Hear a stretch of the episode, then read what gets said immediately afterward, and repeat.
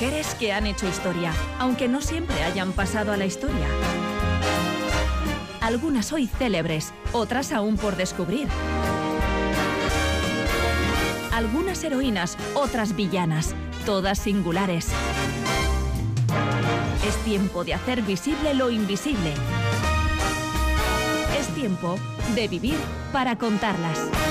Victoria Gasteiz vibra estos días con los acordes del rock durante las tres jornadas habituales en las que Rock Festival vuelve a hacer las delicias de su masivo e incondicional público. Amantes del rock esperan con anhelo el momento de contemplar sobre el escenario a verdaderas leyendas, como Patti Smith, plato fuerte del cartel previsto para hoy.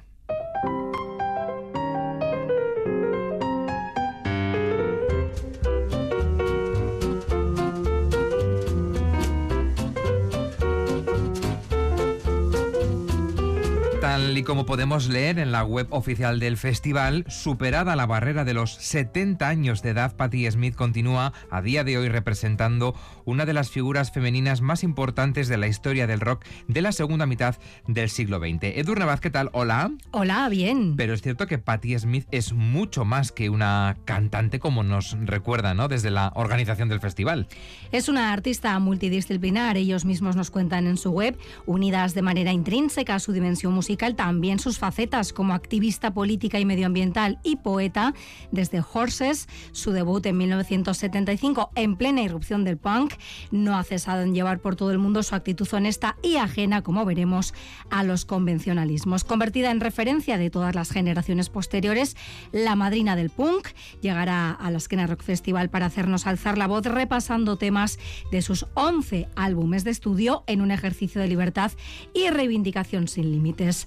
No hay, por tanto, mejor ocasión que esta, hoy que tenemos en Vitoria-Gasteiz a Patti Smith para descubrir la vida y la obra de esta fascinante cantante, artista visual y escritora estadounidense. Hoy, en Vivir para contarlas, el indiscutible icono del rock que la revista Rolling Stone situó en el puesto número 47 de la lista de los 100 mejores artistas de todos los tiempos, un miembro de la realeza del rock, la incombustible Patti Smith.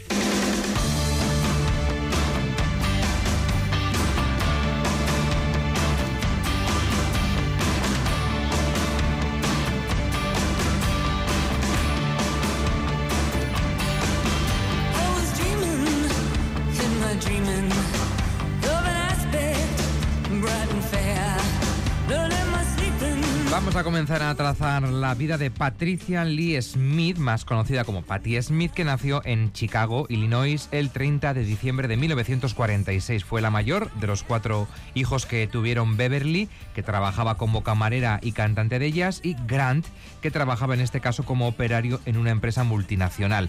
Pasó su infancia primero en Filadelfia y más tarde en New Jersey. ¿Qué más datos conocemos de su biografía, Durne? Bueno, sabemos que en ese hogar se escuchaba mucha música y también que eran muy amantes de la literatura, pero como la hija de una testigo de Jehová que era, recibió una educación marcadamente religiosa, si bien alcanzada la adolescencia, renunció a ella o al menos a su vertiente más organizada y dogmática, como cantaría algunos años después en la primera estrofa de su versión del tema Gloria Jesús murió por los pecados de alguien, pero no los míos. Y además había descubierto un nuevo Dios al que rendir culto, el poeta francés simbolista Arthur Rimbaud. La poesía francesa del siglo XIX conectaba con aquella joven tímida, introspectiva, algo melancólica y más bien solitaria. Tal y como ella misma ha revelado, tenía hermanos a los que amaba y algunos amigos cercanos, pero no soy una persona muy sociable. Podría pasar días sin hablar con nadie en particular. Su carácter reservado no la convirtió precisamente en la alumna más popular del instituto. Sus mejores amigos por aquel entonces fueron los poemas de Rimbaud y de la generación Beat y la música de Rolling Stones, The Doors o Bob Dylan. Tras graduarse en el instituto, la maltrecha economía familiar obligó a Patti Smith a buscar un empleo y empezó a trabajar en una fábrica de bicicletas. Hay que decir que llegó a cursar estudios universitarios, pero los abandonó debido a un embarazo inesperado que se produjo tenía 19 años. Tras dar a su bebé en adopción, tomó la determinación de mudarse a Nueva York para empezar allí una nueva vida. Y también fue allí, trabajando en una librería, donde conoció a una de las personas más importantes e influyentes de su vida, el fotógrafo Robert Mapplethorpe.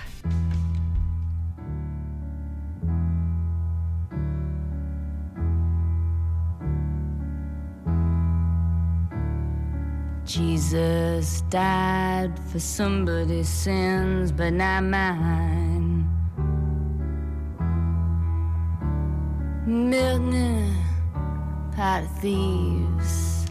Robert Mapplethorpe y Patti Smith tuvieron una estrechísima relación, primero como amigos, más tarde como pareja y finalmente cuando Mapplethorpe descubrió o reconoció su homosexualidad, de nuevo pues esa relación se tornó en amistad, ¿no? Los mejores amigos, de hecho. Solo la muerte de Robert en 1982 por complicaciones derivadas del SIDA pudo separarles. ¿Cómo era esa amistad? Era una relación muy estrecha que, como dices, duró toda la vida. Eran cómplices. La suya fue una relación de mutua admiración e inspiración.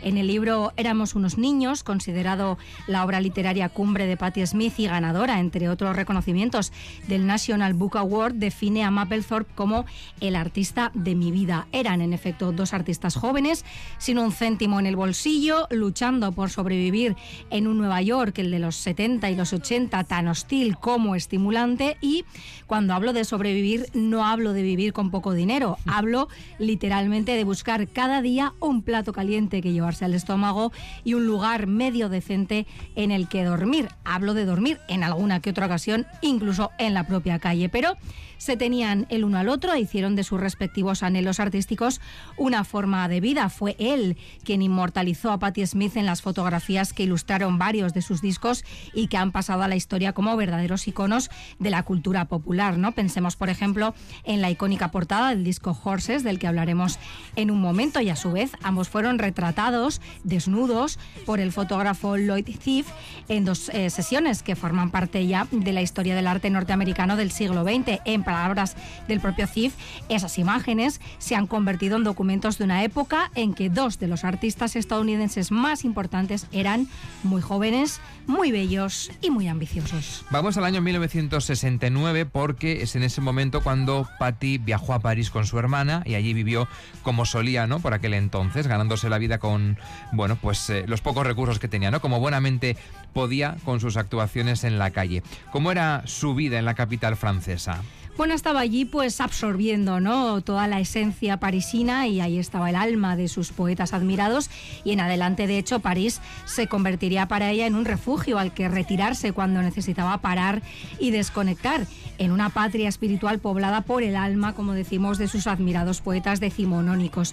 De vuelta en Nueva York se instaló con Robert Mapplethorpe en el mítico Hotel Chelsea que se convirtió en epicentro cultural y artístico de la bohemia y de la contracultura neoyorquina entre sus célebres huéspedes cabría mencionar al poeta Allen Ginsberg, al escritor Dylan Thomas, quien por cierto murió allí mismo por una sobredosis de alcohol, porque en fin, en el Hotel Chelsea pues pasaba de todo, ¿no? Y todo en exceso. Autores como Mark Twain, Arthur Miller, Gore Vidal, Tennessee Williams, mm. Jack Kerouac, Simone de Beauvoir, Sartre o Charles Bukowski, directores de cine, actores y actrices, bandas de música como The Ramones, cantantes como Edith Piaf, Johnny Mitchell, Bob Dylan, Leonard Cohen, Janis Joplin, Jimi Hendrix, Sid Vicious, Leonard Cohen o Bob Marley. Imaginaos aquel momento allí, ¿no? También había artistas como Frida Kahlo y Diego Rivera, de Kooning o Henri Cartier-Bresson. Bueno, la vieja máxima de sexo, drogas y rock and roll hay que decir que estaba más que presente. Puede que se acuñara incluso en algunas de las habitaciones de, aquel legendario hotel que, pensándolo en este mismo momento, bien merece un episodio de nuestros asuntos de antaño y hogaño.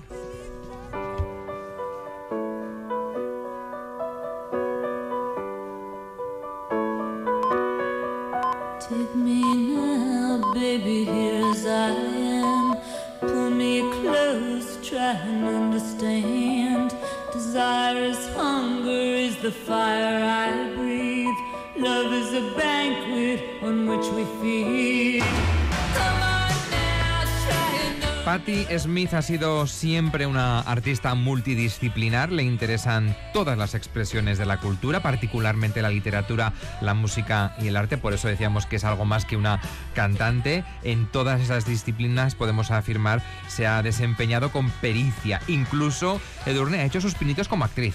Sí, por ejemplo, en 1971 hizo una performance en la obra Cowboy Mouth del dramaturgo, guionista, actor y músico Sam Shepard, que dicen que también fue pareja suya. Durante aquella época ejerció incluso como periodista musical, escribiendo sobre rock en diversas publicaciones y, por supuesto, ofrecía ya entonces sus primeros conciertos. Inicialmente solo con el guitarrista Lenny Kay y más tarde ya con su banda, su carisma y su singular propuesta musical en la que integraba la poesía y la música no pasaron desapercibidos. En una de sus primeras canciones, por ejemplo, hablaba de lo alienada, frustrada y cabreada que se sentía al trabajar en una línea de ensamblado de una fábrica y de la salvación que supuso para ella leer el poemario Iluminaciones de Rimbaud, que, dicho sea de paso, había robado previamente en una tienda porque, oye, pues no tenía cuartos. ¿Qué le vamos a hacer, no? El sello discográfico Arista Records se interesó por aquella peculiar artista y Patti Smith se convirtió en la primera representante del movimiento punk en grabar un disco, el venerado Horses, que vio la luz en 1975 y que está considerado uno de los pilares del movimiento punk rock norteamericano. Con esa icónica foto de portada, obra, como decíamos, de Mapplethorpe, en la que podemos ver a Patti Smith posando con toda la actitud y toda la androginia y esa ambigüedad tan suyas, ¿no? A partir de entonces se ganó para siempre el sobrenombre de la madrina del punk y tras Horses vio la luz un segundo álbum, Radio Etiopía. Y por cierto que en ese año, en 1977, durante la gira promocional de este disco que mencionas, eh, Patti Smith sufrió un aparatoso accidente.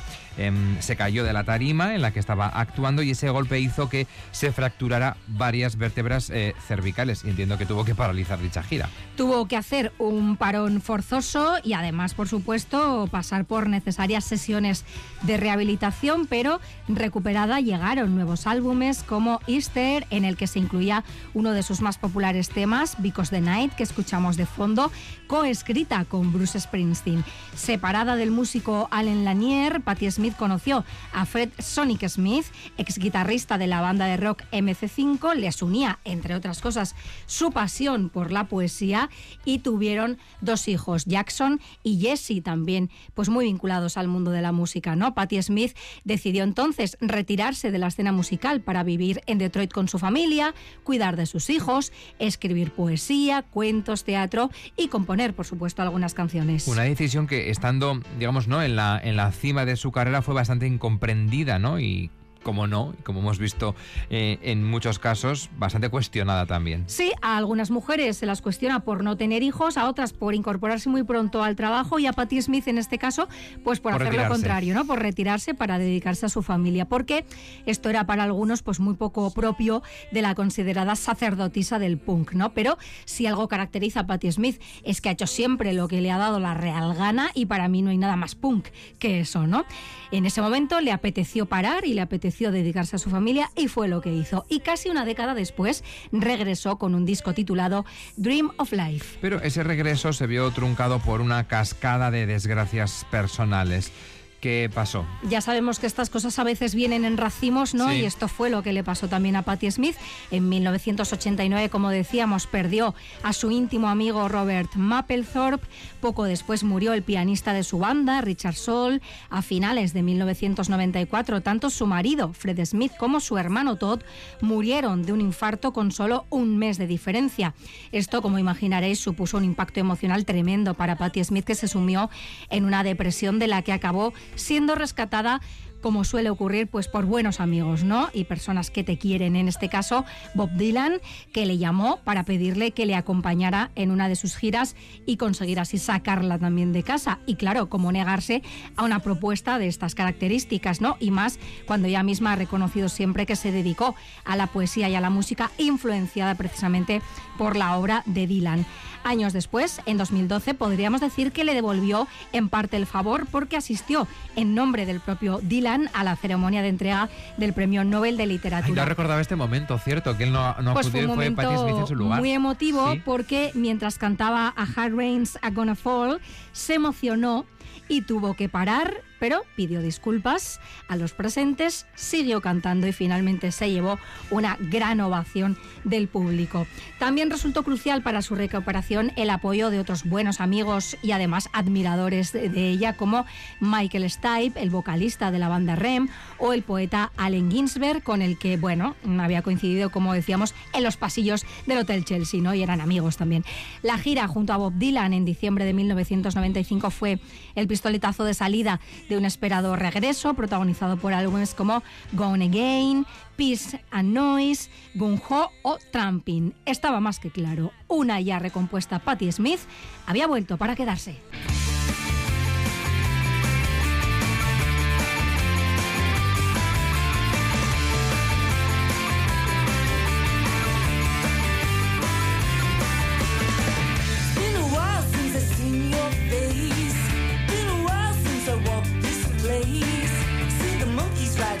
En todo este tiempo, Patti Smith ha seguido publicando álbumes, ha seguido ofreciendo actuaciones en directo, como la que vamos a ver esta noche en el Askena Rock, y ha seguido cosechando los frutos de su muy reconocido trabajo. En 2005, sin ir más lejos, fue nombrada comandante de la Orden de las Artes y las Letras de Francia, pero es que ha seguido sumando reconocimientos. Sí, por destacar solo algunos, en 2007 fue incluida en el Salón de la Fama del Rock, por supuesto.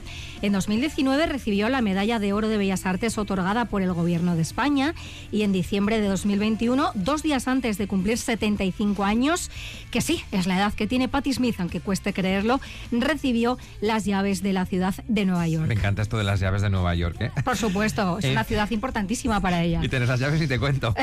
bueno, su legado como artista visual eh, también sigue muy vivo.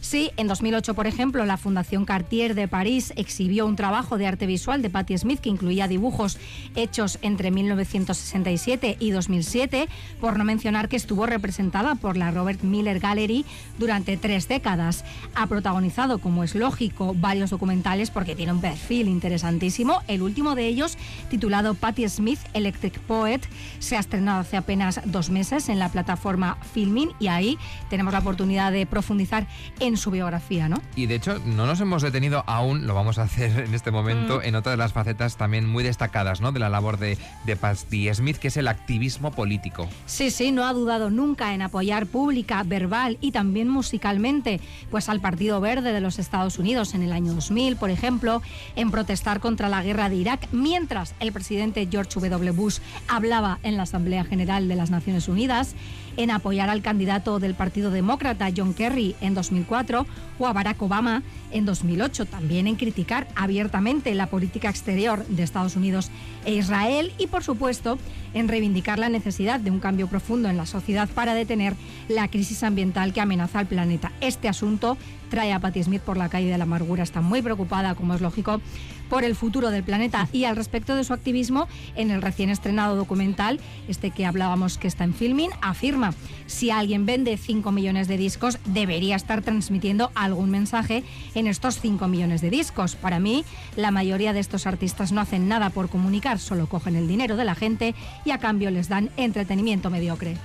Pues eh, muy sabias palabras. ¿eh? Si alguien vende 5 millones de discos, debería estar transmitiendo algo en cada uno su de ellos, ¿no? posición, ¿no? Para lanzar mensajes ¿no? y, y reivindicar. Bueno, tan celebrados eh, como sus discos son sus libros y de hecho ha publicado una veintena. Sí, además del antes mencionado, éramos unos niños, que como decíamos podría ser, digamos, la obra literaria cumbre de Patti Smith.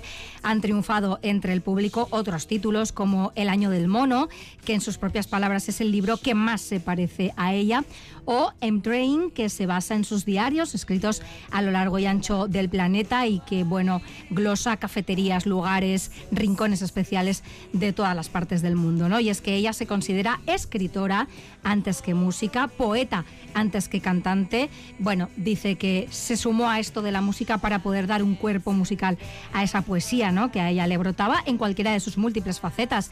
Es la artista más genuina y menos convencional de su generación. En 2007, cuando le fue concedido el premio de música Polar, concedido anualmente por la Real Academia Sueca de Música, el comité argumentó que ha dedicado su vida al arte, reflejando que el rock está en la poesía y la poesía en el rock. Desde luego, si alguien especialista en esto es Patti Smith, ha transformado, añadió este comité, la manera de mirar, pensar y soñar de una generación y definieron, creo que continuo, a Patti Smith como un rimbaud con un amplificador Marshall.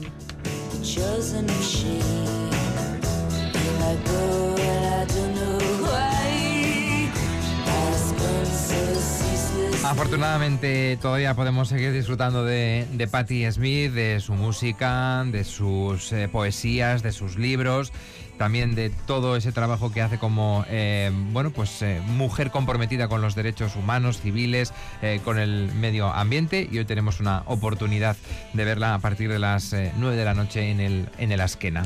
Es sin duda una mostra del rock, ¿no? Y está incluida en este libro precisamente Mostras del Rock que la editorial Sigilo ha tenido a bien hacerme llegar. Es una auténtica maravilla ilustrada en la que podemos conocer la historia de Patti Smith y otras muchas mujeres, ¿no? Y como dice Roberta Marrero en el prólogo, aprendemos con él lo pronto que estuvieron las mujeres en el rock y cuánto lucharon por hacer carrera contra viento y marea. Es un ejercicio de feminismo, de historia, de estética y de ética, un puzzle que nos muestra una parte muy importante de la liberación de la mujer a través del arte. Hoy hemos conocido el ejemplo de Patti Smith, pero en la próxima temporada y de la mano también de este libro conoceremos otras muestras del rock como Debbie Harry, Siouxsie, Kathleen Hanna o también otros perfiles como el de Mami Smith, Bessie Smith, Nina Simone, Carol King, Aretha Franklin, de la que ya hablamos, Janis Joplin, Johnny Mitchell, en fin, será por muestras del rock y por mujeres vinculadas al arte, así que hablaremos de todas ellas. Y será por mujeres que necesitan ¿eh? mm, visibilizarse, que necesitan tener este espacio